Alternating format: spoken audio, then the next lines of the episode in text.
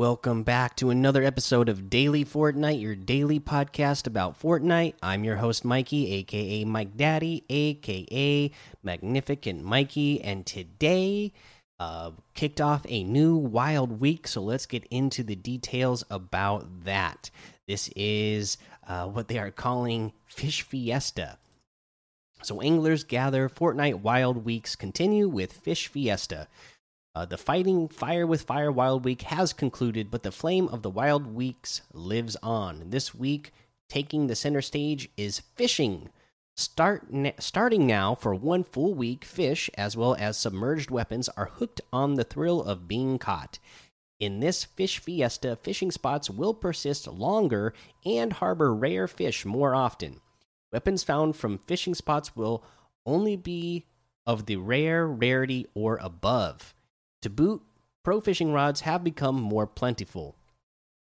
In this particular wild week, the tide is high, time is nigh to fill out your fishing collection book. And with the prime fishing conditions, you'll have an advantage in this week's legendary quest from Turk. Fish Fiesta will remain on the surface until May 20th, 2021 at 10 a.m. Eastern, when the next Wild Week begins. The Wild Week after that is planned to start on June 3rd. For de for the details on these, stay re reeled in on Fortnite.com or social channels, and of course, stay wild. So, boom, there you go. Uh, get out there, get your fishing on. Uh, the fishing spots they're like doubled what they would normally be. Uh, also doubled is the amount of fish you can catch. Like they said, there's more. So instead of being able to get uh, potentially three items out of a fishing hole now, now you get six. Uh, and then uh, is you you're gonna uh, more often get more stinkfish. You're gonna get the vendetta fish. You're just going to get a lot more of you're going to get a lot of shield fish which uh, which is great because you'll always be able to uh, stack up those shield fish and keep your uh, shield up high and fast uh, throughout the game. So definitely get your fishing on this week.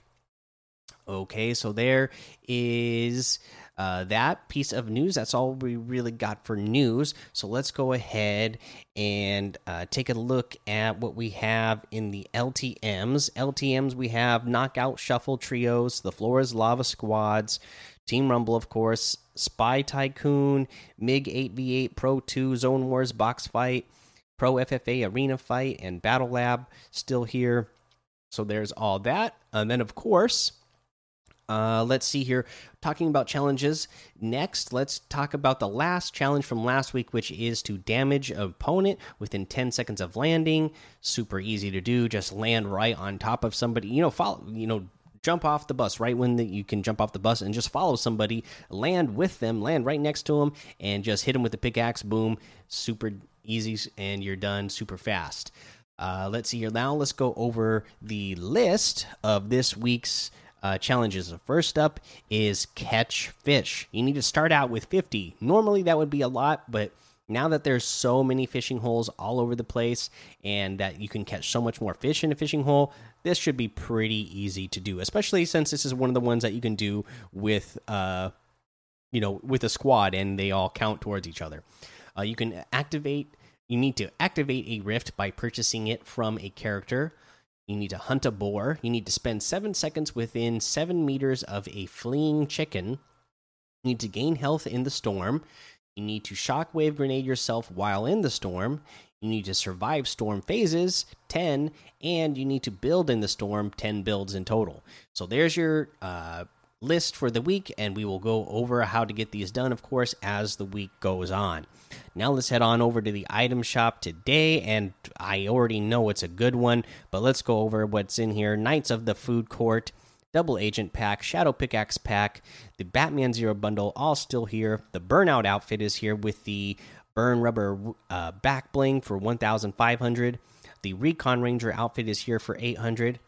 The Flow emo is here for 500 the survival survivor salt emote for 200 the spectral axe harvesting tool for 800 the staff stand emote for 200 uh, let's see.